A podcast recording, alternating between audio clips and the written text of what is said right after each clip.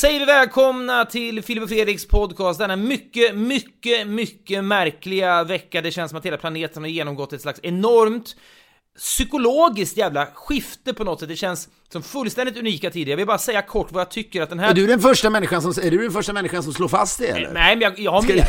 är det dags att dela ut ett Polarpris till Fredrik Wikingsson för den som slår fast det? Denna mycket märkliga vecka. att- Har ni hört vad Fredrik Wikingsson sa? Han sa att det var en märklig vecka. Fan, vad fick han det för? All, allihopa, Det är så kul att lyssna. sprid, skriver de i sociala medier. Sprid, lyssna, starten av Fredrik Wikingssons podcast. Den skjuts ut i rymden som ett meddelande till andra civilisationer för att visa hur insiktsfulla vi har blivit. Sprid.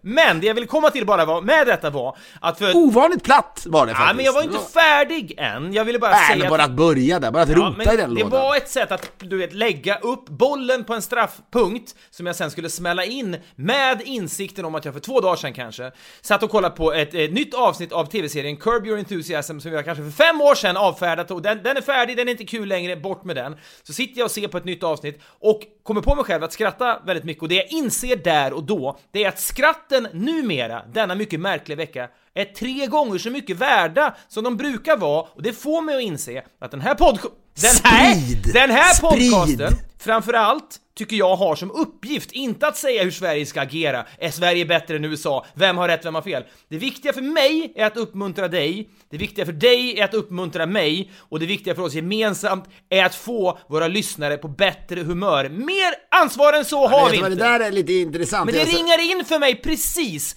vad vår uppgift är i den här jävla soppan till medielandskap. Att göra folk på lite bättre humör. Jag håller med. Och, det, och man kan också gömma sig bakom det på ett, på ett eh, smidigt sätt. Än så Nej, länge går det är det. ing- det är Nej, ing- men, Får jag prata till punkt? Ja. Sa jag just det? Sa jag det? Ja. eh, nej men, men jag, så tänkte på det där igår. Sprid! Filip Hammar, vi pratat i punkt. Sprid. men jag, jag tänkte, jag, jag, jag, jag man ändå kan drabbas av någon slags här existentiell ångest av det här då. Det finns ju uteliggare i Sverige också, men i LA så är det, det är någon slags peak där just nu. Och så åkte jag med mina barn, jag skulle åka till dagis och det ligger, ja, det ligger 100 pers i en, eh, ös, regnet öser ner och så i en tunnel liksom för att skydda sig lite. Livet rullar på, det står, står en man med en stor sten och liksom tränar in i tunneln som uteliggare. Han använder, Han använder sig av det, den som en hantel då helt enkelt. Ja, jag är gripande, gripande.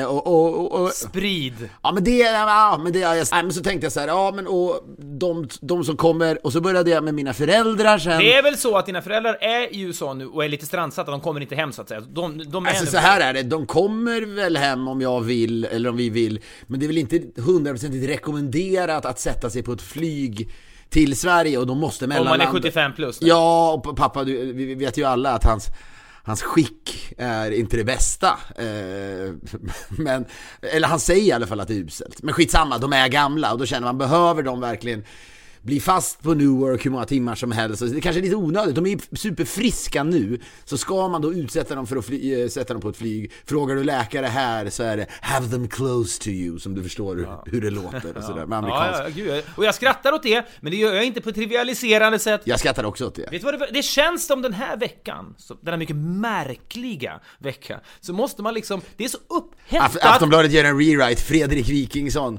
Det har varit en märklig Nej, vecka. men det är, så, det är så upphettat i Sverige idag, i hela världen för den delen, att säger du någonting som kan verka liksom lite fel, så kan det vara uppfriskande i vanliga fall. Men den här gången, den här veckan blir folk liksom arga, de blir aggressiva om man hanterar saker fel eller uttrycker sig fel, för det är så jävla speciellt. Jag känner, jag måste nästan säga det, för annars låter det som att jag trivialiserar dina föräldrars då välmående. Det gör jag givetvis inte, men efter detta nu vill jag inte be om ursäkt Det har du för alltid någon... gjort. Du har, alltid, du har alltid trivialiserat min pappas välmående. Eller inte välmående. Det har du alltid gjort. Framförallt hans, hans mentala kanske. Ja, ja. Jag ska bara berätta då i alla fall att, och så hade jag sett alla de här uteliggarna och så började jag tänka på ens egen plats i tillvaron och jag tänkte att till slut kommer det ändå vara så att det kommer finnas människor som kommer hjälpa de här människorna. Som eh, eh, kommer stryka på foten precis som eh, äldre människor i väldigt hög utsträckning. Eh, och jag menar, eh, det snackas redan om LA om att liksom polisen inte ens åker på utryckningar jämt när det är någon uteliggare som dör, utan bara låter dem dö och så vidare. Skräckhistorier. Ja, men så kom vi hem och så började vi prata om, om spanska sjukan med mina föräldrar.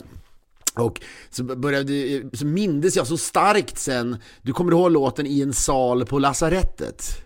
Mm. I en sal på lasarettet. Det handlar om en tuber tuberkulossjuk tjej som vill komma hem. Och jag minns bara att när jag var liten, så, när jag skulle sova så brukade min farmor sjunga den för mig. Det är helt sinnessjukt varför hon gjorde det. Och samtidigt som hon sjöng den så grät hon. Hon, hon grätsjöng den för dig varje kväll. Ja, eller ja, när hon tog hand om oss. För, först var det eh, Gud som haver barnen kär, sen när jag skulle försöka sova så sjöng hon i en sal på lasarettet. Vilken otroligt deprimerande sång. Ja, det får man säga. Framförallt om... Vi måste avsluta, jag tycker att det är något dystopiskt i det. Vi avslutar dagens eh, eh, podcast med Insal på lasarettet. Den är gripande då, så börjar vi, eh, börjar vi googla den och så visar det sig att det, den handlar ju mer om, eh, det är tuberkulos då va. Så att det var, det var, någon an, det var ju någon annan kris, men det påminner ju om spanska sjukan och så vidare. Och hon får ju inte komma hem den här tjejen, hon dör ju och läkaren vänder sig om och inser att hon kommer dö och så vidare. Är folk Eh, mottagliga för den typen av mörker? Det är det de ska vara! det tycker det är det jag tänker nu. Det här stoppar mig inte från det här. Jag tycker det är intressant att avsluta med den. Det är det, du kommer också börja grina. Precis. Men Du, du får istället, om du, vill, om, du vill, om du vill le lite grann så får du tänka på att min dunder-narcissistiska farmor alltså satt och sjöng på sängkanten där för mig och grät. Helt Det obegripligt. påminner ju om den här klassiska historien om Edith Piaf, tror jag, eller om det var Maria Callas tror jag det var, som hade någon slags workshop, hon ville väl få in lite extra deg, den här operasångerska tror jag. Och så hade hon då eh, olika lektion, privatlektioner för folk i, i mindre grupper, och vid något tillfälle så var det då någon, någon ung kvinna som började sjunga någon slags aria eller någonting, och gråter då samtidigt som hon sjunger den. Och alla de andra i klassen tänker sig damn, hon är ju den som kommer få mest beröm nu, det är inte klokt, hon sjunger och gråter samtidigt. Då går Maria Callas fram till henne och ger henne en sån jävla lavett, lavett i ansiktet och säger det är publiken som ska gråta, inte du, underkänd. Vilket är ju, hon hade ju kunnat säga ett och annat till din farmor då. Det hade, det, hon hade kunnat sagt väldigt mycket till min farmor. Farmor var en Mm. komplicerad kvinna. Men jag började tänka på det och så läste man på den och så var det då, det var väl i samband med spanska sjukan då när den härjade någon gång där efter första världskriget. Det jag fick ångest av var när ändå jag såg att spanska sjukan härjade från om det var januari 1918 till december eh, 1920. Det fick jag lite ångest över, att det är tre Ja, år det här ska hålla på. säga, ja. D- Denna mycket märkliga treårsperiod. Ja, men det, det, det, jag tänkte till och med, det här tror du inte, jag tänkte, jag tänkte tänk om det tar ett år innan jag träffar Fredrik. Samma tankar Ja, tänkt. fint ju! Det där var inget skämt från min sida, jag blev lite eh, tagen av det. Det finns andra, saker, andra saker att bli tagen av I sannerligen. en sal på Lasarett lasarettet. Men, men, men, men då, då, och så läste jag på om detta i lång jävla ringlande färd fram till detta, men vi satt vid bordet och åt middag. Och då började eh, min pappa prata om, eller, eh, om att det liksom, på den tiden pratade man om att det finns inget vackrare än att dö för någon annan. Och detta syftades då på vårdpersonal. Och eh, det, det jag menar att man kan gömma sig med att så här, är, ens li, är ens yrke meningsfullt? Ja, det är meningsfullt när du hjälper eh, coronapatienter eller när du... Eh, eh, eh, Man kan väl dela också in mänskligheten i människor som säger vad heter det, covid eller Ja, folk som absolut. säger corona. Men jag tänkte bara, jag åkte tåg igår, jag kan prata om vad jag är sen, men jag åkte tåg igår, bara kliva på tåget var något dystopiskt då. Det är nästan tomt, det är tre pers i vagnen, sitter vi lite för nära varann, blir jag lite nojig över det? Ja, jag är på en mental plats jag inte riktigt vill vara på, men det där kan man inte styra över. Jag har sannerligen hypokondrin i mig, så då sitter vi lite för nära varann och så känner man, mm, här är liksom dödens vagn nu. Man kan väl ändå styra över det skulle många säga. Ja, jag skulle ändå säga så här, man kan styra över hur dumdristigt man kanske uttrycker sig i sociala medier och sånt, det kanske folk borde göra. Men jag tycker att det finns en skam hos mig i att jag rycks med i den här, jag ska inte säga hysterin, men oron och rädslan. En liten skam, för jag vill inte vara den personen, man vill bidra till... Var det lite i en sal på lat- lasarettet stämning på tåget? Lite så var det väl kanske, men det som slog mig då... Tänk om du hade dragit fram en liten högtalare och börjat spela den med. Ja, fy fan vad hemskt. Men då slår det mig också, ja, jag sitter här och tycker synd om mig själv. Här kommer konduktören. Han gör det här fyra gånger per dag. Det är han det är synd om här, givetvis. Och den tankevändningen är inte unik, men den kan man göra nästan i varje ögonblick.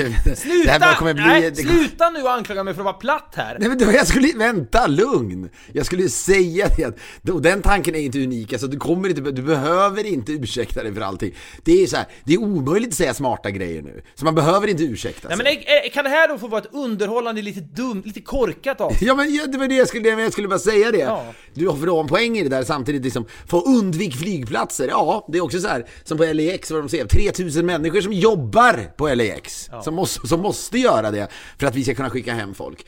Men eh, man blir bara tänka på det här, de inom sjukvården och du vet, unga människor inom sjukvården nu när det är slut med masker säger ah, men jag jobbar ändå för som jag förstått det så borde jag väl kunna överleva ändå och så vidare och så vidare. Ibland drabbas man av en känsla, vad är det för jobb jag har? Är det viktigt? Och då säger, ja, men jo, men då säger min mamma då, för att vara snäll mot mig, Filip, men du har ett jätteviktigt jobb i dessa tider. Att, att, att få folk att skratta och le, titta på alla mot alla, folk vill se det och bla bla bla. Då kan man liksom välja, lite vad det jag menar när du börjar med den här podden, man kan välja att liksom omfamna det och tänka, ja, men jag har ett jobb som är viktigt också, för att folk behöver det här. Men det är ju inte riktigt sant, för att det, det, I, I samma stund man börjar bli lite för generös mot sig själv i bekräftandet av de tankarna, då blir det man ju ett monster. Det är det när man, li- måste när man liksom- ligger i en soffa och börjar ladda inför podden och tänka Det jag gör nu är lika, mitt jobb är lika viktigt som den där doktorn som försökte rädda livet på, på den där flickan som låg i en sal på lasarettet. För det är det ju Nej, inte. det, det, Så är det. Punkt slut. Vi är denna vecka sponsrade av den älskvärda institutionen Folksam som man oftast kanske då känner till som försäkringsbolag. Men det är färre då som eh, vet om eh, att, att man också kan eh, använda eh, då Folksam för att eh, skapa ett långsiktigt och hållbart Men vi har sagt det här förr och vi säger det igen. Det är vettigt och det är klokt att börja spara till pensionen. Du pratar gärna om mina föräldrar, hur mycket de reser runt. De har liksom sparat länge och nu skördar de frukterna av det. Får se världen. De är ett förkroppsligande av pension, vettigt pensionssparande. Ja, och då ska man ju välja en hållbar sparande aktör. Och hållbart sparande då, det betyder ju absolut inte sämre avkastning. Folk tänker sig, ja man väljer någon vettig, lite sund fond här och där, du vet för att minska koldioxidavtrycket. Eh, och då kanske man, kanske man tjänar mindre pengar på det. Men tvärtom, när Folksam gjorde detta så ledde det till 30% lägre koldioxidavtryck. Samtidigt så hade de högre avkastning än den generella börsutvecklingen. Så det är ju liksom 1 plus 1 är 3. Man kan uppleva detta som krångligt och svårt och så skiter man bara i det. Jag tycker istället att man ska gå in på folksam.se slash pensionssparande och läsa mer om detta. Vi säger stort tack till Folksam. Vi är denna vecka sponsrade av Max Burgers, Sveriges godaste burgare. Och vilken bomb vi ska släppa nu! Deli Fresh Plant Beef släpps nu i Vi dagligvaruhandeln, har ju pratat Fredrik. om Deli Fresh Plant Beef förut. Det är alltså det här då helt växtbaserade köttsubstitutet eller köttet då, eh, en växtbaserad patty som man då kan kalla det för. Det var ju omskakande på riktigt första gången du och jag smakade den. Vi satt bredvid varandra och man tänkte så här, har det äntligen hänt nu? Ja, det har det. Nu smakar det precis Det var en sån här, var var du, var var du när det där Vad var hände? du när du smakade ögonblick? Deli Fresh Plant Beef första gången? Vi satt i källaren på vårt jobb och blev helt jävla golvade av de här burgarna som hade budats till oss. Och de smakade precis som kött. Man känner nu är framtiden här äntligen. Och då ännu mer är framtiden här för nu kan man då alltså göra detta hemma. Den här är helt växtbaserad. Den säljs då som 4 gånger 90 gram. Den är god att grilla och steka. Den är då vegansk. Och den släpps nu i dagligvaruhandeln. Framtiden är här. Vi älskar det. Vi säger stort tack till Max. Men jag måste bara berätta en historia apropå det här då och, och eh, hemlösa och så vidare.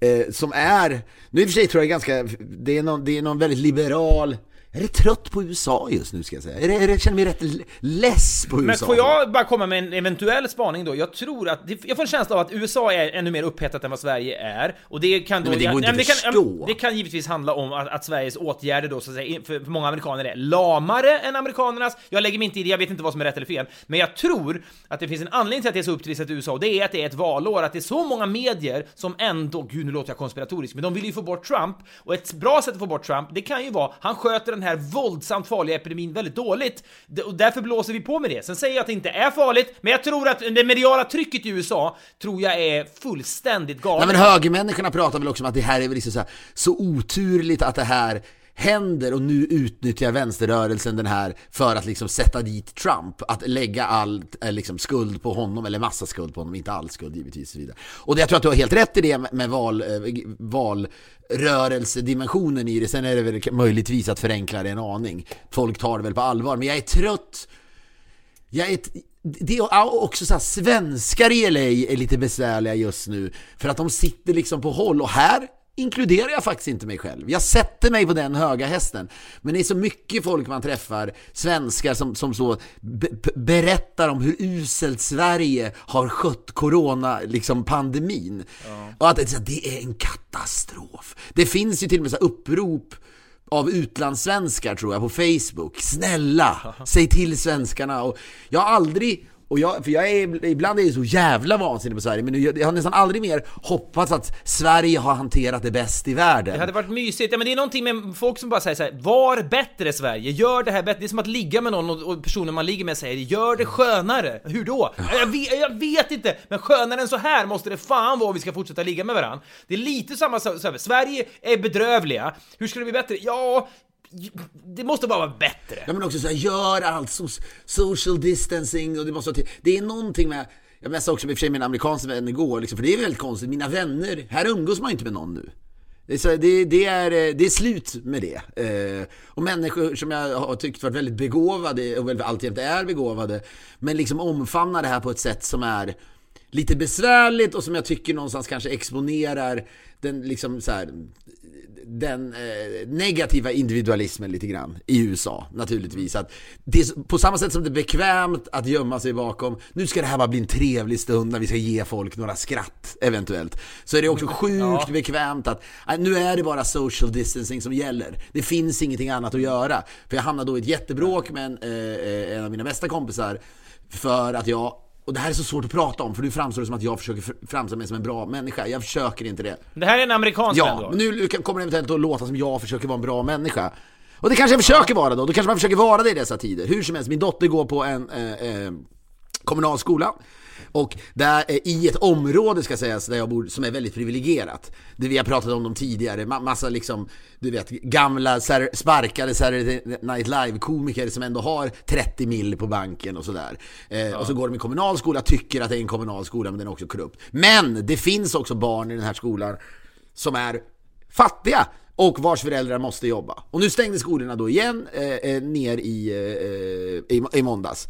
Och då så hörde jag av mig och man fick säga att fan, jag har plats här hemma om det är några barn som vars föräldrar måste jobba så får de komma hem till mig och, och så får, vad heter det, eh, så har jag Nanny och jag kan hjälpa till och också min, och min dåraktiga liksom kamikaze-morsa som alltså är 76 år gammal säger bara Jag hjälper gärna till och är lärare, dör jag så dör jag. Jag har haft ett jättebra liv, som hon säger. Ja, ja hon menar det. Ja men vet du, det, är- det, är det intressanta med amerikanska inställningen är stanna hemma. Jag såg något klipp från New York bara, där människor står inne i ett hus och skriker på människor som är ute på gatan. Go home! Ni får inte vara ute. Alla kan liksom inte stanna hemma. Alla Nej kan men också, inte då göra får jag det. ett mess från en av mina bästa kompisar, de skriver Philip eh, I, see, eh, I see your compassion but now is not the time to encourage social gatherings. Och då sa du, får det låta som att det är en kräftskiva det här är frågan om. Det kan man ju undvika. Men det handlar i så fall om att, att eventuellt liksom hjälpa eh, föräldrar då i, i förlängningen som måste jobba för att de här barnen ska få mat på borden. Och så säger han, som om, som, om, som om USA plötsligt är ett socialistiskt samhälle. De kommer kunna få mat. Plötsligt är det den inställningen. Då finns allting det här. Men det är Alltså så här, jag tror på allt med social distansering och så vidare, men det är ändå konstigt, man känner vad det här tar fram i folk, att det blir bekvämt att inte hjälpa andra för att man har nu fått direktivet stanna hemma. För stannar man hemma, då slipper man också se de här människorna som sitter och skiter under en bro, helt dyblöta när det har regnat. Då, det slipper man. Man, man, kommer bara, man kommer inte ens se massgravarna där de läggs. Och det är ju någonting som är så jävla jag vet inte, man blir illa berörd av det. Och amerikaner som, jag menar vi pratar ibland i Sverige om att oh, vi har inte haft krig på 200 år, därför kan vi inte hantera en kris. Amerikaner tycker de är bra på att hantera kriser. Men det var väl du som sa till mig i ett separat telefonsamtal bortom podden att de har ju inte haft krig på, på hemmaplan på 150 år. De vet ju ingenting om flyktingläger. Det finns ju inga flyktingläger i USA. Visst, det, de pratar man om, om mexikaner och att det är en crisis. Det går ju ändå liksom inte riktigt att jämföra med vad Europa och resten av världen har gått igenom hela tiden, ständigt.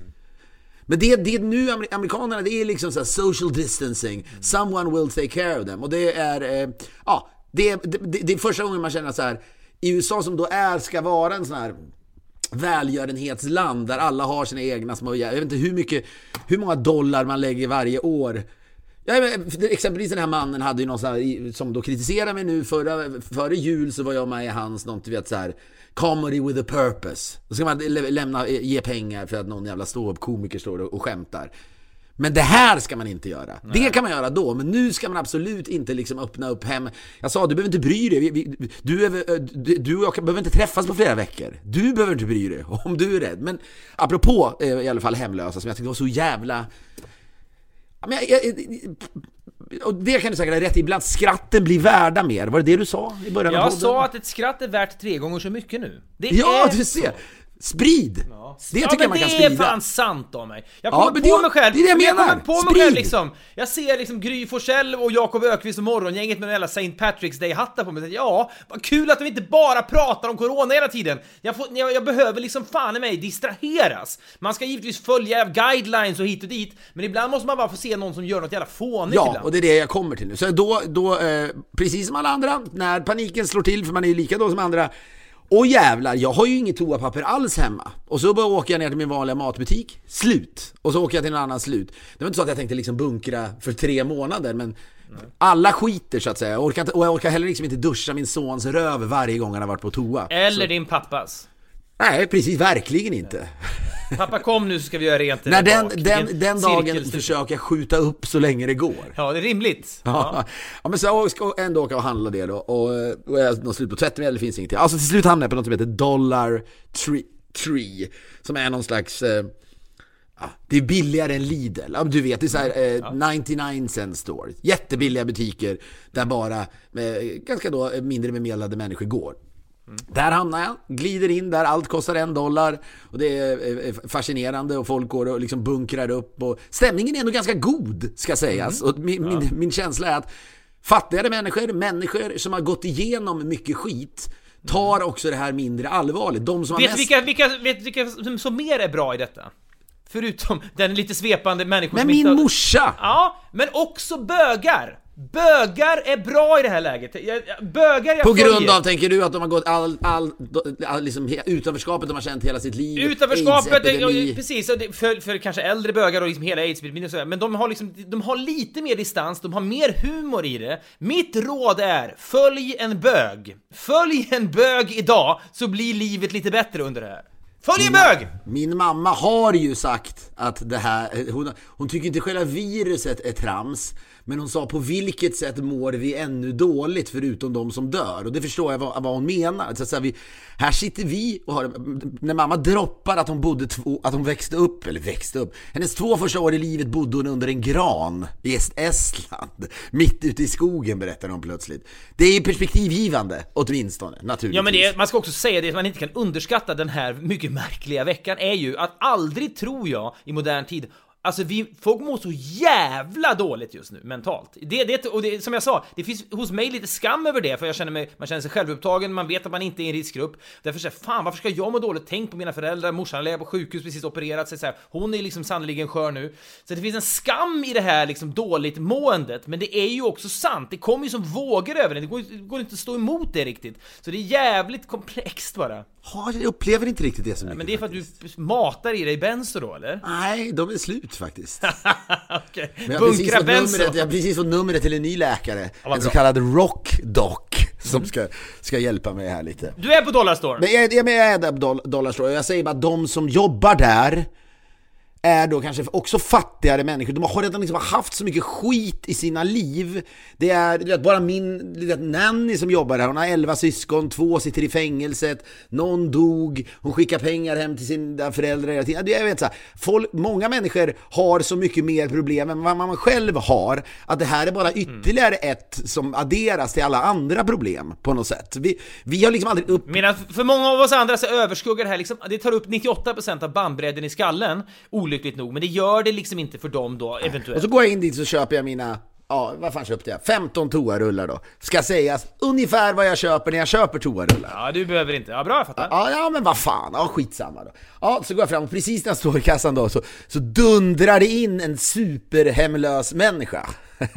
på. Och han hostar något så djävulus. Alltså, så här, När du säger det- dunderhemlös människa, då menar du att han ser väldigt mycket ut som att han, Ja, han, inte har, han, han kommer i strumpor bara, och han, jeans och du vet, eh, håret färgat rött och så här. Men han hostar så jävla mycket överallt. Mm. Och folk, ja men jag backar, givetvis. Och det är väl inget fel i det, det skulle väl till, till och med Agnes Wold tycka är bra att jag gör.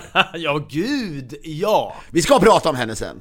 Eh, men, men så jag backar lite grann och så vidare. Men han är så jävla fin, han i kassan är så jävla fin för han säger bara till honom Please just be a little careful, säger han. Gäll, liksom så här, och inte du vet, i vissa ställen skulle de, du pratar om de här i New York som sitter och skriker på folk som är ute och går.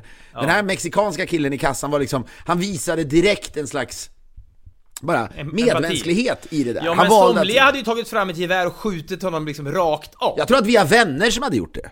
Ja, gud ja. Det tror jag. Alltså på den nivån är det ju nu. Det kommer ju... Han det, kom in det- och hostade, det, det här var ju självförsvar. Han kom in och hostade. Vad skulle jag göra? Skulle jag låta honom hosta? Nej, jag sköt ihjäl honom. Så Det är det kan bara. vara så, jag skulle inte bli överraskad. Det kan vara så att vissa vänskaper, om det här fortsätter länge till, kommer kunna upphöra lite grann. kanske, tror jag. man man, jävla kommer se sidor hos folk som eh, överraskar en. Ja men han går in där i alla fall. Jag eh, köper mina toalettpapper, går ut i, och det har ju varit lite dystopiskt här i LA då, för vi har haft lika dåligt väder som i Sverige ju. Bara öser ner, det droppar in genom mitt tak och så vidare. Bara känslan av vad fan håller världen på att gå under. Den spekulationen artikulerar man ibland bara för att man inte orkar hålla käften, man vill prata om något hela tiden. Jag lägger allt i bilen, sen när jag liksom åker ut från eh, Dollar Store så kommer han ut ur butiken. Den här eh, rödhårige dunderhemlösa Ja, mannen. och regnet öser ner, ska sägas. Ja. Och det han då har köpt, och det gjorde, apropå Gry, det här är, ro, det är roligt med Gry Forssell och Jakob Ökvist i St. Patrick's Day-hattar. Jag förstår att det åtminstone är tre gånger så roligt som det skulle varit för två månader sedan. Exakt så, exakt så. Det är tre gånger så roligt som det skulle varit annars. Ja. Han kommer då ut. Och så står han utanför butiken. Och han har då köpt en vattenpistolgevär. Och så står han och fyller det geväret i en vattenpöl. Och så börjar han gå runt och spruta med det här. Han är hög då kanske, eller? Ja men det kan, jo, det spelar ingen roll. Nej, men nej. jag menar bara så här, det finns något så oerhört befriande i det. Jag garvade så jävla mycket, tutade och gav honom tummen upp gjorde jag. Och han gjorde tummen upp tillbaka, så visst. Han ska väl också landa någon gång och ha ångest såklart. Men det var någonting med Sånt där händer också just nu. Hans liv är piss. Jag tycker synd om honom något så inåt helvete och frågan är, vi vet inte ens om han lever idag. Men grejen är ändå att så här, ja, det där behövs. Apropå vad du säger om tre Ja, men jag, man, man, man, sveper, man sveper med blicken omkring sig och i, i bara jakt på människor som inte bara utstrålar blyångest. För det, man, man orkar liksom inte med det. Så människor som bara kan dis, distrahera en en smula. De är så jävla, de är också tre gånger så mycket värda som de vanligtvis är. Och man Jag ska säga att hade, hade det bara regnat och han hade köpt det där så hade det hade ändå varit ganska roligt för en månad sedan också. Ja. Men nu blev det liksom extra roligt när alla andra så panikhandlar och när han glider runt, "Ah, vad fan jag letar, var har ni vattenpistolerna någonstans? I så här 45 annan, år. ingen annan i världen denna mycket märkliga vecka går in med det ärendet i en butik. Han är ju unik på det sättet. Ja! Alltså han ska ju in på museum Ja, var, såklart. var kommer den impulsen ifrån? Det här är dagen, när det också regnar dessutom. Jag gillar liksom inte, man, man är kluven kring att smygfilma utsatta människor på det där sättet.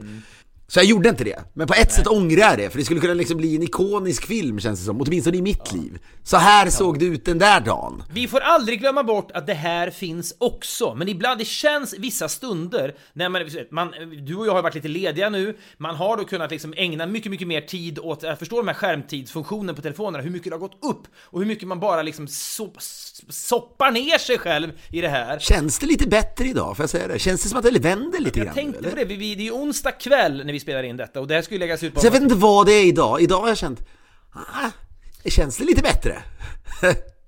det kan ju vara självbevarelsedriften som kickar in. Ja men det kan ju vara en slags bipolaritet, det kanske finns liksom en, en sinuskurva för hur mycket man orkar må dåligt. Det kanske bara kommer en kickback plötsligt. Om det inte är nyheter om att nu är det 500 nya dödsfall i, i Stockholm eller du vet, i Göteborg. Om det inte kommer det, då kanske kroppen bara säger till nu måste du må bra igen. Det kanske finns en inneboende liksom eh, kickback på det där på något jävla sätt. Men jag är ju då på ett hotellrum i Trollhättan. Min dag har varit väldigt speciell på så sätt att jag åkte ner hit igår kväll.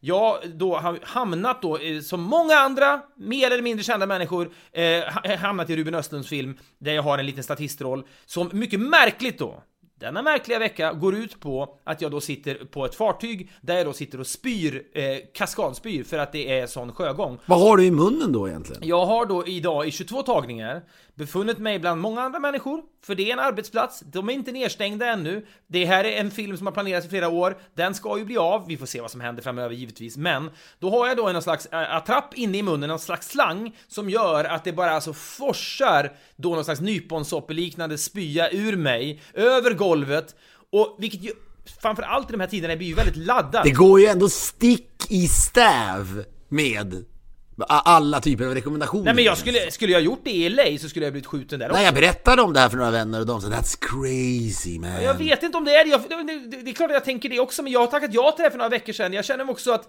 ing, alla andra dyker upp här. Det är gamla människor som har statistjobb, de, de går för att ha, de har ett jobb att göra liksom. Och jag vet inte.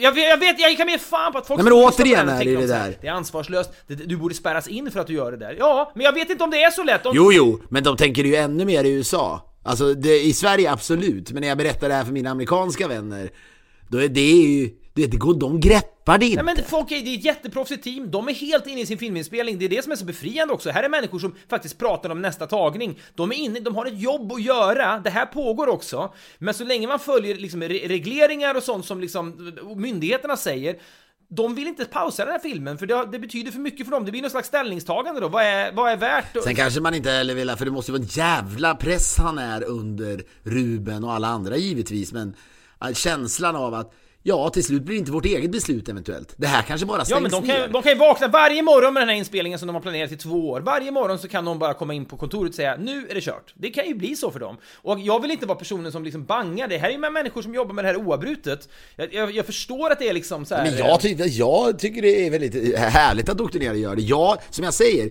jag försöker ju inte ryckas med i den här eh, sociala distanseringen. Du vet. Så det, för det är, det, USA är också nästan den perfekta symbolen för hur jävla farlig den här liksom sociala distanseringen kan bli ur ett liksom humanistiskt perspektiv. För här alla dessa stora hus där folk liksom redan gömmer sig, men nu gömmer sig ännu mer. Men nu har de fått mandat att, nu har de fått mandat att gömma sig, låsa nyckeln och tacka nej tack till den mexikanska nannyn när hon ska komma och kanske hjälpa till. Nej, nej, det behövs inte för du kommer från Mexiko. Ja, men det fick jag också fråga, do you know if your uh, nanny uses public transportation?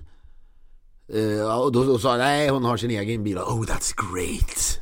Du vet, så här, Men så här, och jag förstår folk som reagerar. Jag förstår också att social distansering funkar. Det är en bra Men det är grej. inte det, jag ifrågasätter ingenting och det är väl också bra. Hon ska väl inte sitta och bli nyst i ansiktet hela tiden heller. Men det är med bara känslan är att jag hoppas att hennes vänner frågar henne på samma sätt om oss. Ja. Du vet, åker, åker dina arbetsgivare public transportation eller rör de sig så här? Det känns som att en viss typ av människor, vita privilegierade människor, någonstans, nu kanske jag stretchar det, men tror att liksom mexikaner är sämre på att tvätta händerna än vad vi är. Kanske.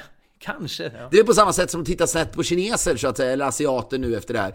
Det är en, den, så här, den vi, vi, vite mannen och kvinnan, de privilegierade vita männen och kvinnorna, har en liksom övertro på sin egen Eh, ja, sin e- vi är denna vecka sponsrade av Finnair. Och vi pratade i förra veckan om klass och service, något man verkligen uppskattar när man flyger. Och det får man ju då hos Finnair. Låt oss Fredrik lyfta fram Finnairs app app som underlättar resandet redan från bokningen. Den fyller ju då i all info automatiskt när man bokar. Perfekt då när man reser mycket och det första du ser i appen det är check-in. Kanske det viktigaste då innan resan. Sen har du dina digitala boardingkort i mobilen och behöver du addera en väska, välja säte eller kanske ändra något i bokningen så gör du det i appen och slipper kontakta kundservice. Man kan bara föreställa sig vilken tid man sitter i de här telefonköerna. Det här är enkelt, smidigt och tidseffektivt. De är otroligt duktiga på att hela tiden förbättra upplevelsen under resan. Vi säger därför stort tack till Finnair!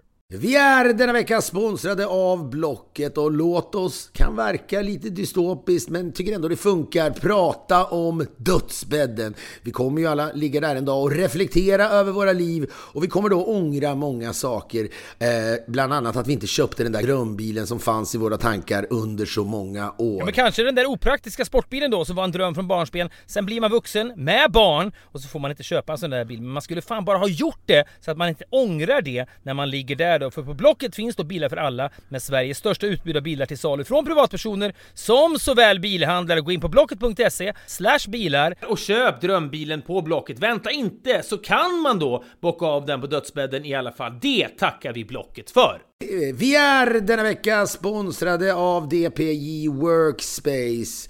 Eh, det är ju din partner då för kontorsmöbler och inredning sedan 1995.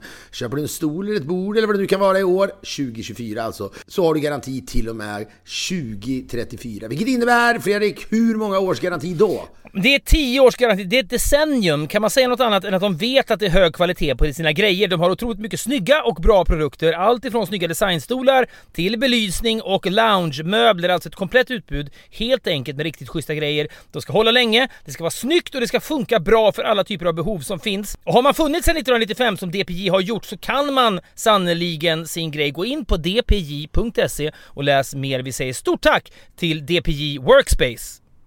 Vi har ett betalt samarbete med Syn nikotinpåsar och det här meddelandet riktar sig till dig som är över 25 år och redan använder nikotinprodukter. Syn innehåller nikotin som ett mycket beroendeframkallande ämne. Syn kommer i olika smaker, styrkor och format och nu lanserar Syn en helt ny smak inom mint. Syn Slim Cool Frost som har en tydlig smak av kylande pepparmint och mentol. En långsmal helvit prilla och enligt 90% av 366 vuxna konsumenter har den en långvarig smak. Läs mer på nikoniko.com och klicka in på syn. Glöm inte att slänga din tomma dosa i plaståtervinningen. Vi säger stort tack till syn. En kapacitet på alla möjliga sätt och det sipprar även fram här så att säga.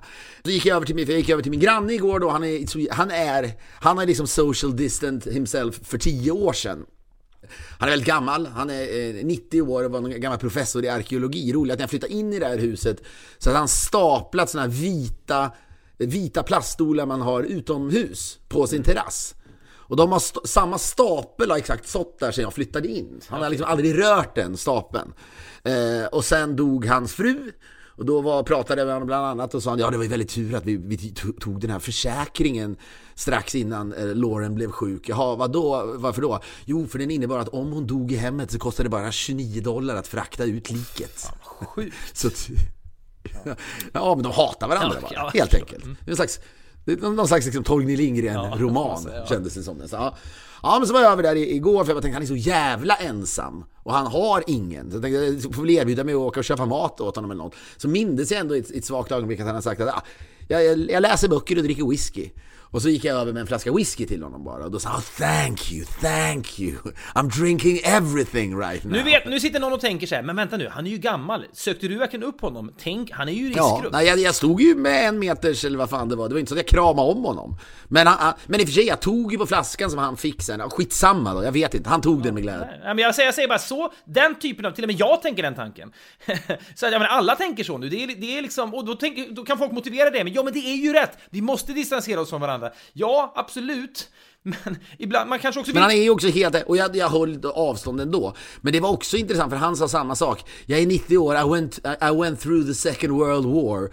I'm not, I'm not too disturbed by this, sa han. Och det, det, det, det är ju så att... Ja, men vår- folk älskar ju att klaga på boomers för de inte tar det på allvar och så vidare, men, men jag vet inte, det är också någonting, Ja, det, men finns, vår det, det finns två staplar här. är- Det finns ju en stapel kring fara med viruset, absolut, dödsfall, absolut, men det finns också ett allmänt pissmående som är så out of control just nu att det är också skadligt. Det är inte bra att liksom 10 miljoner svenskar mår piss, eller minus då dina och mina föräldrar typ, men, och, och folk som är över 70 som mirakulöst mår bättre då än andra, kanske dåraktigt, men det är ett, det är gigantiskt minuskonto för Sverige och hela världen att folk faktiskt mår mentalt så jävla dåligt. Jo, men jag hade så i och hela världen, absolut. Men framför allt i privilegierade länder. Vi har inte varit med om någon skit alls. Bor du under bron på Gower i LA och är hemlös, eller om du bor någonstans i Afrika, i Liberia, där ebolan härjade, eller i ett flyktingläger någon annanstans, då har du ju mått piss så jävla länge så det här det, det, det krusar ju knappt ytan, så är det. Det är det som jag kan tycka är lite fascinerande och väl naturligtvis förhoppningsvis i då i förlängningen väldigt nyttigt för oss. Kanske, att ha fått mått dåligt. Men jag måste bara prata om denna Agnes Wold som som liksom, hon hade aldrig funkat i USA.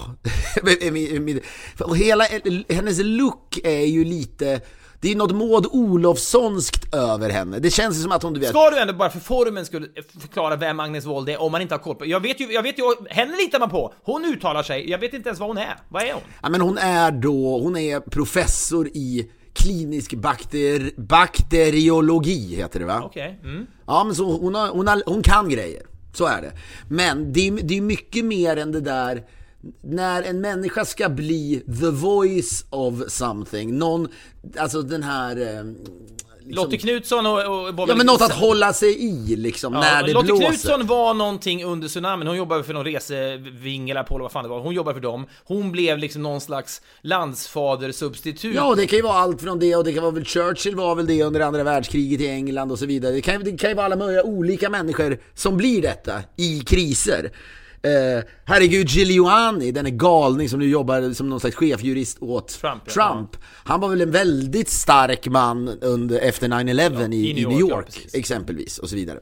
Eh, men jag menar, hon, hon, hon har ju en look som på något sätt tror jag funkar väldigt bra i Ja, Sverige. det är ser ut som hon kan väldigt... Det är intressant Hon- det där, hon- hon är perfekt för Sverige. det är jag tror att hon är lite Maud Olofssonsk. Det känns som att hon kan väldigt mycket om svamp. Hon vet mycket, hon gillar att plocka svamp, eller hur? Mm.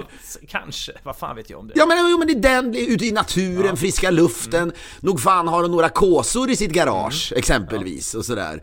Lite, du vet, moraknivar och grejer. Det känns, Hon känns, hon känns oskild. Ja, men också ska man säga, hon känns oskild, men också gör ingen stör, större liksom, affär av att, att hon är gift. Hon, det, det, är så här- Nej, om hon nu är det. Ja men de kan nog vara ganska tysta där hemma, hon och hennes man om de har något. Det är liksom ingenting Passion är ingenting, det är inte liksom så här. då möts vi på Rialto eller vad fan det var Ulf Lundell sjunger när han är kär. Nej, det är inte så att Agnes, eller som den här mannen som faktiskt dog nyligen, Uley, han heter den där konstnären från Tyskland, och vad heter hon, Marina Abramovic. Ja.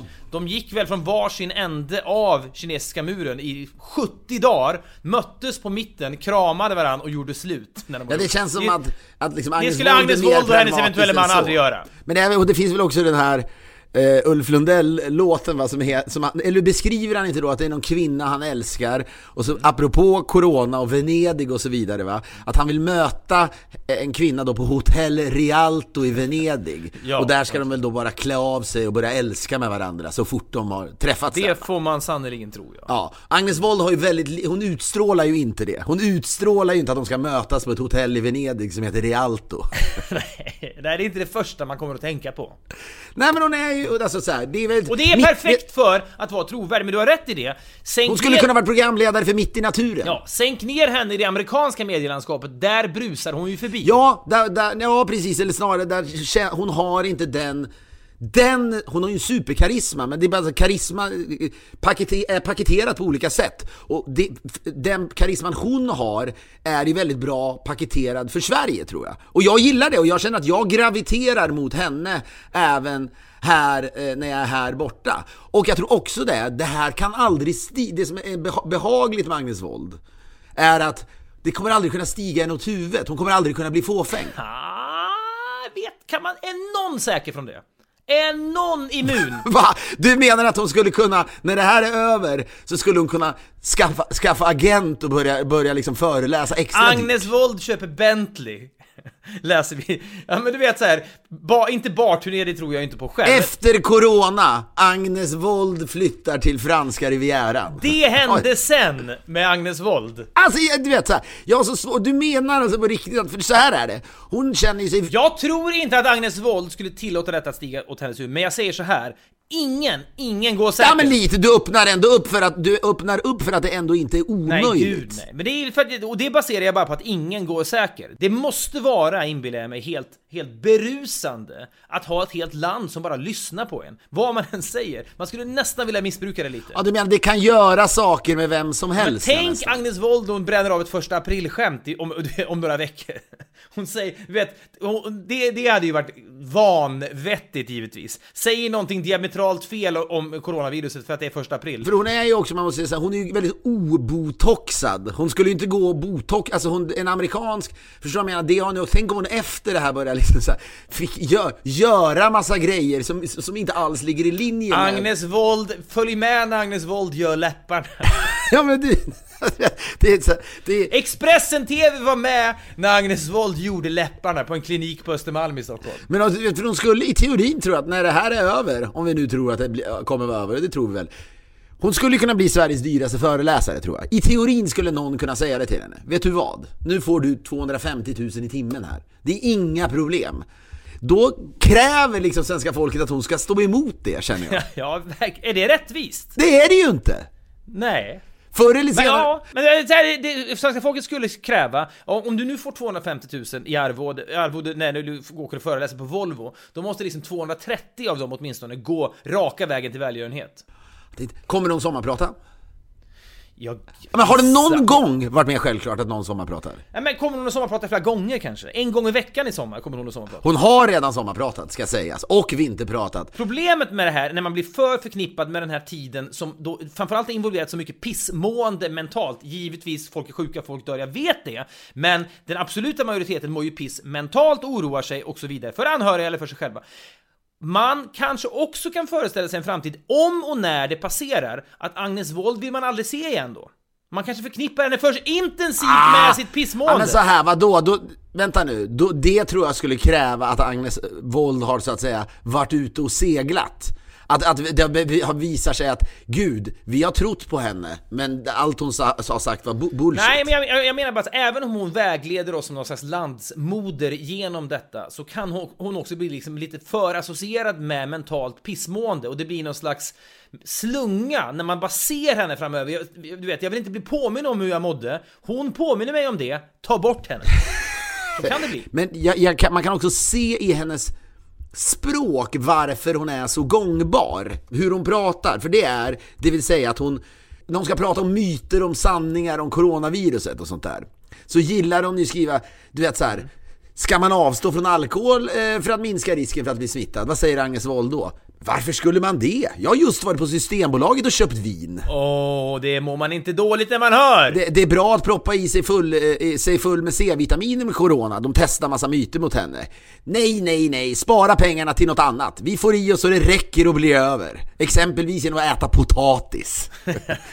men förstår du? Det är perfekt, Men vet du vad? Hon, hon, hon i sin utstrålning på något sätt påminner om oskuldsfullare tider. Hon påminner om förr. Det, det slog mig bara starkt. Vet du vad hon är? Hon är svartvit! Hon är lite svartvit, det är sant. Jag satt, fann mig själv plötsligt för tre, fyra dagar sedan. Jag säger inte att det har vänt nu mentalt, jag har bara en liten förhoppning om att jag kanske mår lite, kanske att jag har träffat alla de här filmmänniskorna som, som då bryr sig men som bara är fokuserade på andra. Jag vet inte, men jag, jag, jag tror att det finns en strömning av lite mer optimism. Jag, det kanske, jag kanske är ute och cyklar, men för två, tre dagar sedan när jag mådde som absolut sämst fann jag mig själv framför ett öppet arkiv, går in och drar igång en jävla världscupsändning i slalom från 1979, oklippt! Den ligger där som liksom två timmar. Första åket, det, det, står Åre 1979. Sven Plex Pettersson. Sven Plex Pettersson, Ingmar Stenmark, man känner igen alla åkare. Det är totalt att Visst är det här också en tid innan det satt några liksom expertkommentator bredvid kommentatorn? De, hän, de gick ut till Göran Zachrisson överraskande nog, som faktiskt satt i, stod i pisten då med någon handmick och liksom gjorde lite analyser, så att det fanns ändå någon slags anslag av, av e-, e-, expertkunskaper. Men det var någonting att sitta och kolla på det där obrutet, lägga undan telefonen, gå i barndom, minnas liksom Peter Popanjilov och alla de här åkarna som Bojan Krisha och allt vad de hette. Och jag började messa med min pappa lite senare när jag ändå, ändå inte kunde låta bli telefonen och bara säga du måste in på öppet arkiv, du måste bara resa tillbaka till den här ofarliga tiden. Det var liksom en ren och skär snuttefilt, men det känns inte som en, des, en destruktiv snuttefilt, det är att åka, Samtidigt pågick ju ett kallt krig i världen och Reagan rustade Det för sket väl jag i, han satt inte vid makten 1979 heller. Så att jag menar, jag förstår att det var... Nej men han, ska, han var i stånd att ta över Jag så att vet, säga. men att bara se den här gamla, ganska långsamma sändningen var liksom en snuttefilt på ett, inte konstruktivt sätt, men ett, åtminstone icke-destruktivt. En annan snuttefilt är att åka och handla liksom 400 rullar toapapper. Det är för mig en destruktiv snuttefilt, men det är en Vet snuttefilt. du vad som jag också vill bara säga angående Agnes Wold? En tendensiös f- eh, fråga, eller en fråga som ställs för att, för att för att människor och journalister i den här frågan vet att svaret är precis det svenskar vill höra just nu. Och det här är då eh, ett svar från Agnes Wold som helt och hållet liksom bygger Agnes Wold, ligger helt i linje med vem Agnes Wold ska vara och vem vi vill att Agnes Wold ska vara. Frågan behöver inte egentligen ställas, men den ställs just för att återigen, denna kvinna som opererar i svartvitt håller på att bli en landsmoder. Det är den här frågan. Eller det påstående är det då, som journalisten skriver. Nu, och då citerar hon vad folk har sagt, den här journalisten då antar jag. Nu är det läge att äta superfoods som gojibär och gärna få i sig pro, eh, probiotiska mjölksyrebakterier, ex, exempelvis i form av kapslar. Och så svarar hon, nej, bevare mig väl, gör något roliga för, pe- för pengarna när coronaepidemin är över. Fan. Det ringar liksom in hela Agnes Wold. Och det, alltså, jag gillar det. Jag vill läsa det där. Men det är verkligen så här, för där är hon också... Hon liksom... Hon, det är en protest mot samtiden. Ja, och vet du vad, det är också Och nå- och lite grann en protest mot storstaden på något sätt. Där det kanske, den här typen av kapslar är lite populärare. Om vi verkligen bryter ner det så är det viktigt för journalisten då i Expressen här, eh, som har skrivit då, att det, det, är inte, det är inte ogenomtänkt att man skriver nu är det läge att äta superfoods.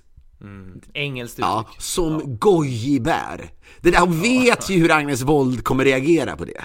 Ja, det, de vet redan svaret, de vet att det är verkningslöst, men läsarna mår bra av att den typen av dyra merförsäljningsprodukter i hälsokostbutiker är meningslösa. Även meningen sen, gärna få i sig probiotiska, eller jo det heter det, probiotiska mjölksyrebakterier, komma, exempelvis i form av kapslar. För kapslar låter ju lite dyrt, eller hur?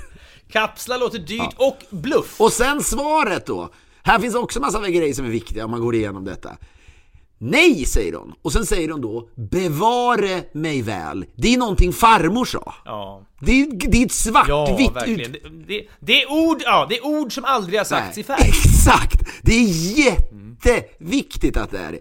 Och det är väl här jag möjligtvis då, då rättar in mig lite i Fredrik Wikingsson-läget och säger Börjar hon, bli med, börjar hon bli utklädd till sig själv här lite Agnes Wold?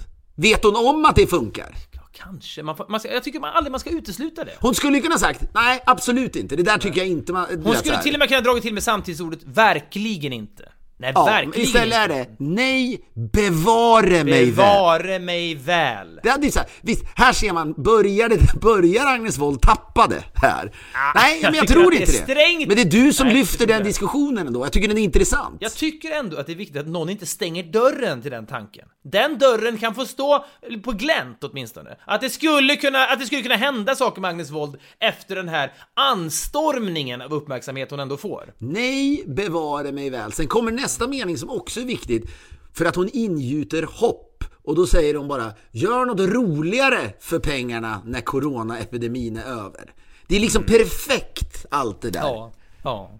Det är liksom det lilla svaret. Nej, bevare mig väl. Gör något roligare för pengarna, det mår man bra av. När, inte om, utan när coronaepidemin är över. Man, det är, där har du en snuttefilt till. Det, det- är, det- det, är, alltså- det är det enda svenskarna och hela, mä- hela mänskligheten nu famlar ju bara efter snuttefiltar. Och det, är så lätt att, att... Det är därför jag tycker det är kul med oväntade snuttefiltar, som en man som köper något jävla vattenpistolsgevär i en dollar står och går runt och skjuter på en parkeringsplats i ösregnet. Det är en snuttefilt man inte ser komma. Alla de andra toapappersrulle-snuttefiltarna och så vidare, det är liksom inte det, är inte det som jag tycker behövs nu. Men hon är en fascinerande eh, eh, figur i det här sammanhanget. Och var, det var bara för att du, alltså, att, att du lyfter ändå, att, det- att man alltid man utgår, alltså en av så att säga, framgångsformeln för Agnes Wold är ju att man tror att hon inte ska tappa fotfästet. Nej, Det- men jag säger bara att alla, alla är gettable, alla kan korrumperas ändå, och, uppmärksamheten... Det, hon så här är det, när all, when all is said and done och alla mår bra, då skulle jag tycka det var uppfriskande om Agnes, Agnes Wold blev liksom en, en, en i svenska Hollywoodfruar-casten. Men vet du vad hon är lite grann? Det, jag, jag tänkte grann, det är så här, jag försökte dra mig till minnes när jag senast mådde mentalt som jag har mått nu. Det var lite grann när det var som mest terrordåd 2015. Man tänkte så här, kommer det nu att smälla varenda jävla dag på gatorna? Folk bara liksom, det är lätt att göra bomber, det är lätt att gå runt och skjuta hugga ner folk. Kommer det här att bli en verklighet nu? Det, så upplevde jag sommaren, hösten 2015. Eh, kommer det här att skena fullständigt nu? Det är liknande ångestkänsla man har upplevt nu de, de, de senaste dagarna då. Och den, på den tiden hade vi Hans Rosling som någon slags här, liksom, betryggande liksom, landsfader. Ja, det är, väldigt, det, det, är väldigt bra jämförelse, samtidigt som det här är mycket större. Jag minns ju så tydligt när vi gjorde hela Sveriges skramlar-galan med Petra Mede som programledare, vi satt och samlade in pengar. Vi överraskade med honom, alla andra artister var utannonserade. Sen kommer en stor överraskning, och det som kommer in då, då kan man alltid vara lite orolig, väntar sig folk Coldplay nu? Och blir de besvikna av detta? Nej, det blev ju då större ovationer för Hans Rosling än vad det kunde blivit för någon annan. Den positionen hade han då, jag tror att Agnes Wold har en liknande position nu. Ja, och det, ja, och egentligen är ju det här större, för när det, det fanns ändå någonting polariserat i flyktingkrisen givetvis för att folk där, stäng gränserna, de där vill vi inte ha, det där behöver inte vi Folk var liksom inte riktigt så oroliga för sin egen hälsa på det sättet, mer än att nu kommer det bli mer kriminalitet, men det var ändå, ångesten går inte att jämföra, vi kan inte jämföra den ångesten folk känner nu. Så våld har ju liksom seglat förbi Rosling, så Nej är men jag ska, jag ska bara klargöra liksom att, att det var givetvis flyktingkrisen var en sak och, och terrordådet var någonting annat, det är jag fullständigt medveten om. Men de sammanföll ungefär i tid, så det var ju, det var ju turbulent på, den, på det Jag sättet. säger bara att om Hans Rosling hade varit vid liv idag, det är han inte, tråkigt nog. Hade han varit lite, hade han, han hade känt en viss liksom avundsjuka på våld tror du? Hade han irriterat sig på Agnes Wolds framfart i medierna? Det, tveklöst. Eller hur? Det tror jag. Att det, hade, för det finns ju, den fåfängan finns ju naturligtvis också och det är ju det är ju ingen som vill ha det här men, och jävla nu betalade hennes alla år som bakteri, bakteriolog av sig. Alltså Hans Rosling, vem, vem fan, när, när, liksom, när telefonen inte längre ringer hemma hos Sitter Rosling. han och stör ihjäl sig på Agnes Wold. Men det är, det är inte alls omöjligt att han har gjort det. Försöka liksom, försöka sticka hål Nej, jag tror att det är så.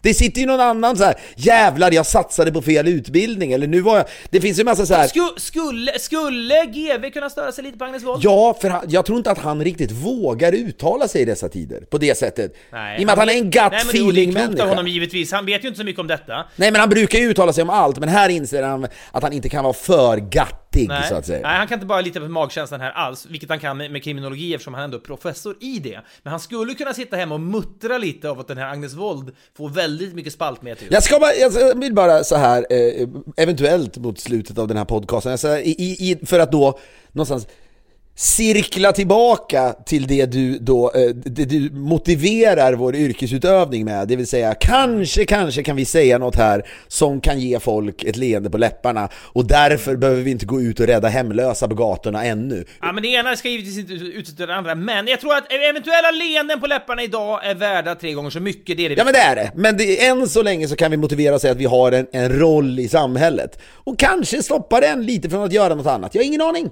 Jag säger det, jag vill inte vara så duktig så att jag säger det ena utesluter inte det andra. Det är inte så att du... Det här är ju ditt jobb nu och det, så är det. Men det finns andra som har viktigare jobb. Men skitsamma, för jag vill bara försöka på slutet ge folk en bild av tiderna som kanske ligger framför oss. Och om man nu säger det känns lite bättre idag, det kanske är fullständigt bananas att säga det, för förmodligen ligger väl ännu mörkare tider framför oss. Men en dag... Men jag tycker också att man måste tillåta sig själv, om man råkar få en liten uppåtgående kurva mentalt, då kan man liksom inte helt trycka ner den där jävla kurvan och säga nej, nej, nej, nej, må inte bra nu, lura inte dig själv för det kommer att bli skit framöver. Råkar man må bra i fyra och en halv minut eller några timmar, ja då måste man fan få göra det. Ja men då igår så att jag, jag och min tjej satt och med mina föräldrar, jag tror vi drack fyra flaskor vin igår kväll. Ja, fan vad det, drick, det dricks nu du, det dricks mycket nu. Ja, jag, jag, jag, jag tillåter mig själv det. Jag skiter i det, du kan väl dricka nu då? Vad fan alltså. Jag, jag drick, drick som ett svin, vad tror du Agnes Wold hade sagt? Ja. Dricker du eller? Ja, gud ja. Ja. Men jag bara säger, så då, eh, då satt vi igår och så började vi snacka om liksom Fan vilka fester det kommer bli när det här är över. En, en, den där, en, en känsla av det eviga liksom så Berlin på 30-talet väl? Efter spanska sjukan och efter första världskriget. Mellankrigstiden kanske det Ja men kallas. 20, ja precis, 20-talet var väl otroligt. De som var efter spanska sjukan ändå, precis då naturligtvis. Ja.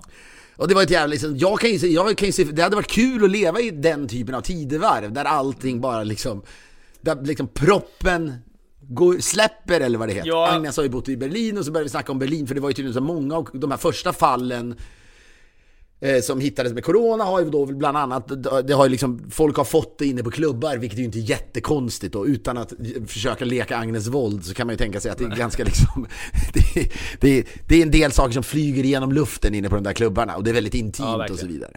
Nu är de nedstängda, det har väl aldrig skett och jag tror det är så här, i grunden, jag läste någonstans att vissa städer som så här, LA är stängt, krogar är inte öppna. Ah, folk har så jävla stora hus, krogarna stänger ändå klockan ett. Det är liksom inte, det är inte det som, det är inte de hjulen som får den här stan att Ja, snurra. men LA, LA-människor sörjer liksom inte krogen. Det finns ingen krog-romantik. Nej, det, det, är inte, det är inte det som får den här stan att rulla. Men Berlin är ju liksom, he- hela fundamentet Berlin är ju att du ska liksom kunna bli sprutad i ansiktet i ett mörkt rum när som helst på dygnet.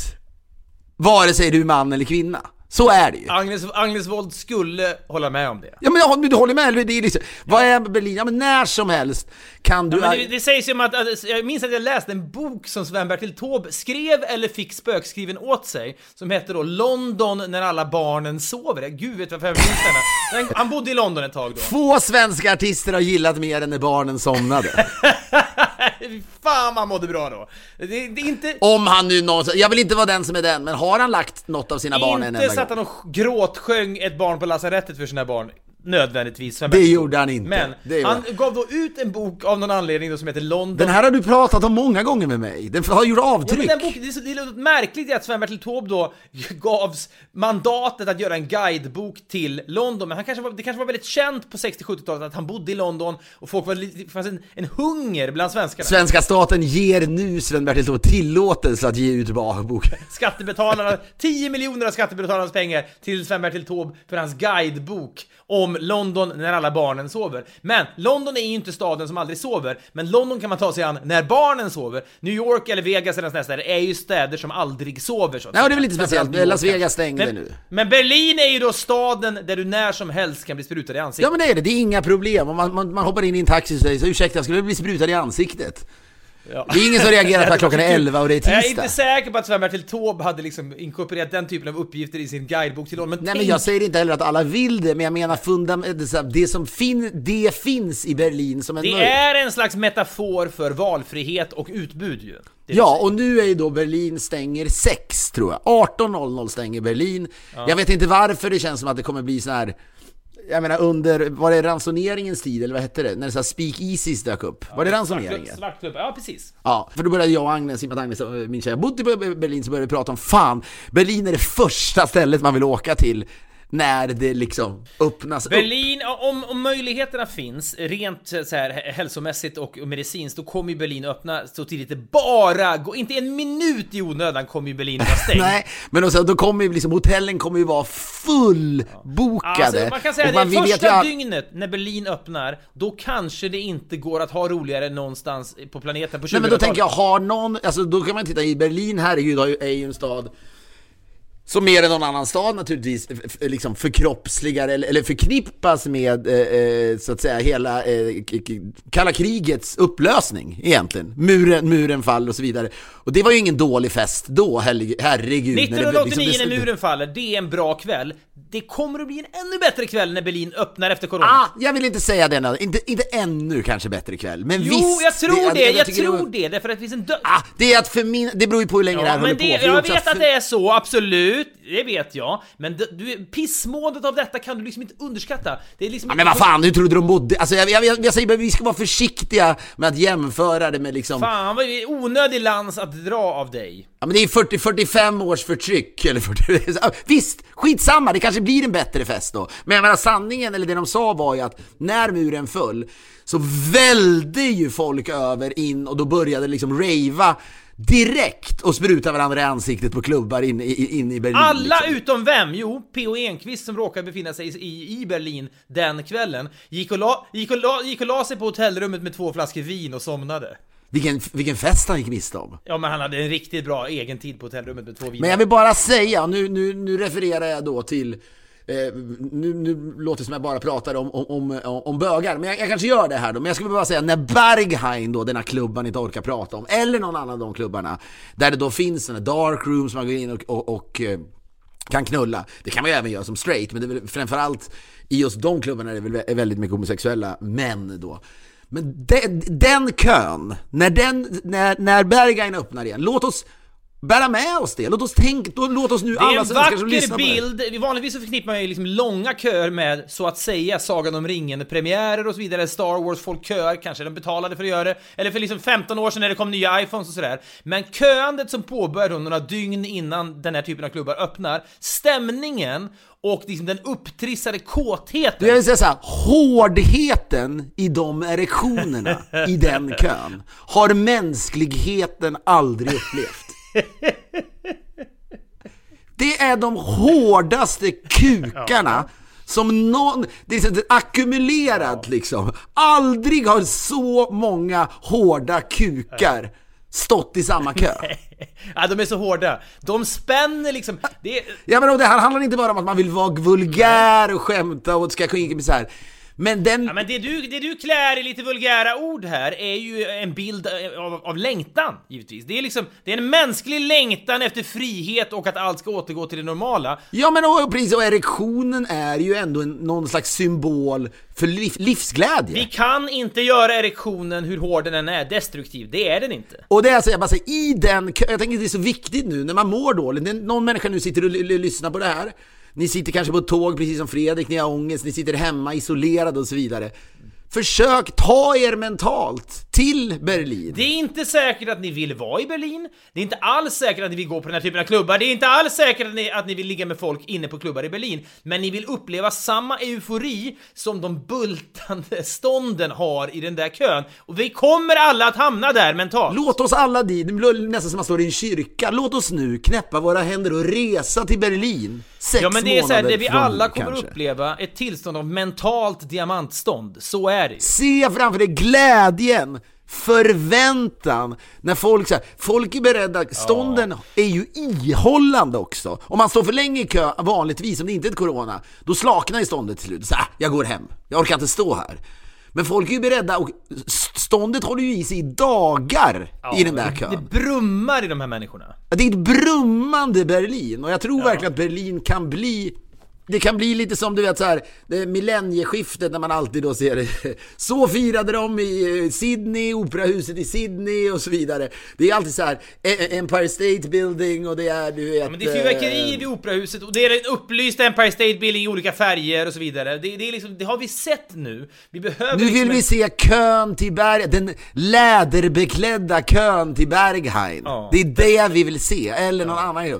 Den livsglädjen, vi måste hålla i det, det det, det och Agnes Wold, vad vi ska hålla i, vad, det, vad vi ska hålla oss i nu Detta under något de osannolika svåra möte, den svartvita Agnes Wold och de bultande, brummande Berlinstånden. Det är de två komponenterna vi bär med oss de närmsta dagarna när det känns svajigt och det kommer det att göra, men då måste man bara försöka etsa in den där jävla bilden. Agnes Wold står också och ler varmt! Agnes Wold står och ler varmt mot kåta bögar utanför Berg- Berghain. Jag var den första människan som sprutades i ansiktet när coronaepidemin var officiellt över i Berlin. Ja, fy fan. Ja.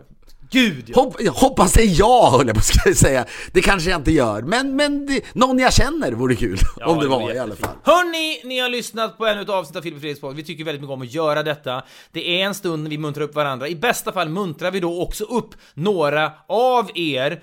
Det är, som jag sa i episodens inledning, märkliga dagar. Jag känner att det också är lite märkligt att avsluta med låten En sal på lasarettet, men om vi visualiserar då Philips bildgalna narcissist till farmor som gråtsjunger den för en ung Filip, så kanske det på något sätt blir vackert. Jag vågar tro på det. Jag vet vad det blir? Det, det, låten kanske också blir lite Den komisk. kanske på kan något få bli. Hörni, ta hand om er själva, gör vad ni kan och håll huvudet kallt. Och vad fan, apropå leende på läpparna, fortsätt titta på Alla mot alla! Givetvis. Det är också ett leende. Måndag till torsdag kanal 5 klockan 10 eller på Dplay kan man bingea skiten.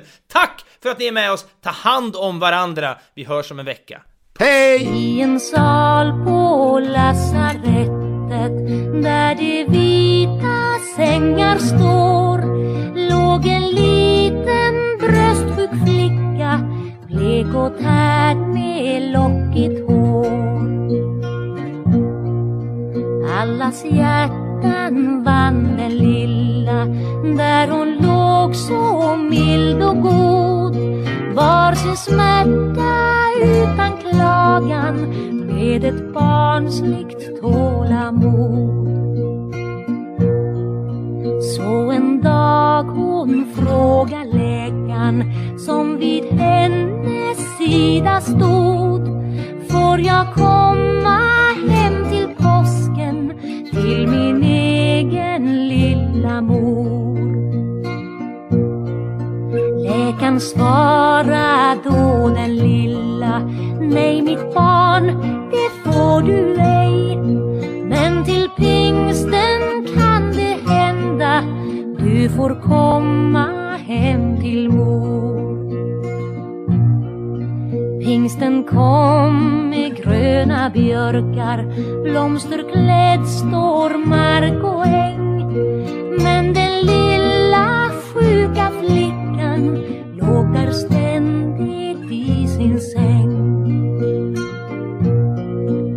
Så på nytt hon frågar läkaren som vid hennes sida står. Får jag komma hem till hösten till min egen lilla mor? Läkaren svarar ej den lilla men strök sakta hennes hår. Och med tårar i sitt öga vänder han sig om och går. Nu hon slumrar ut i mullen, slumrar sött i snövit skrud. Från sin tåligt burna längtan har hon farit upp till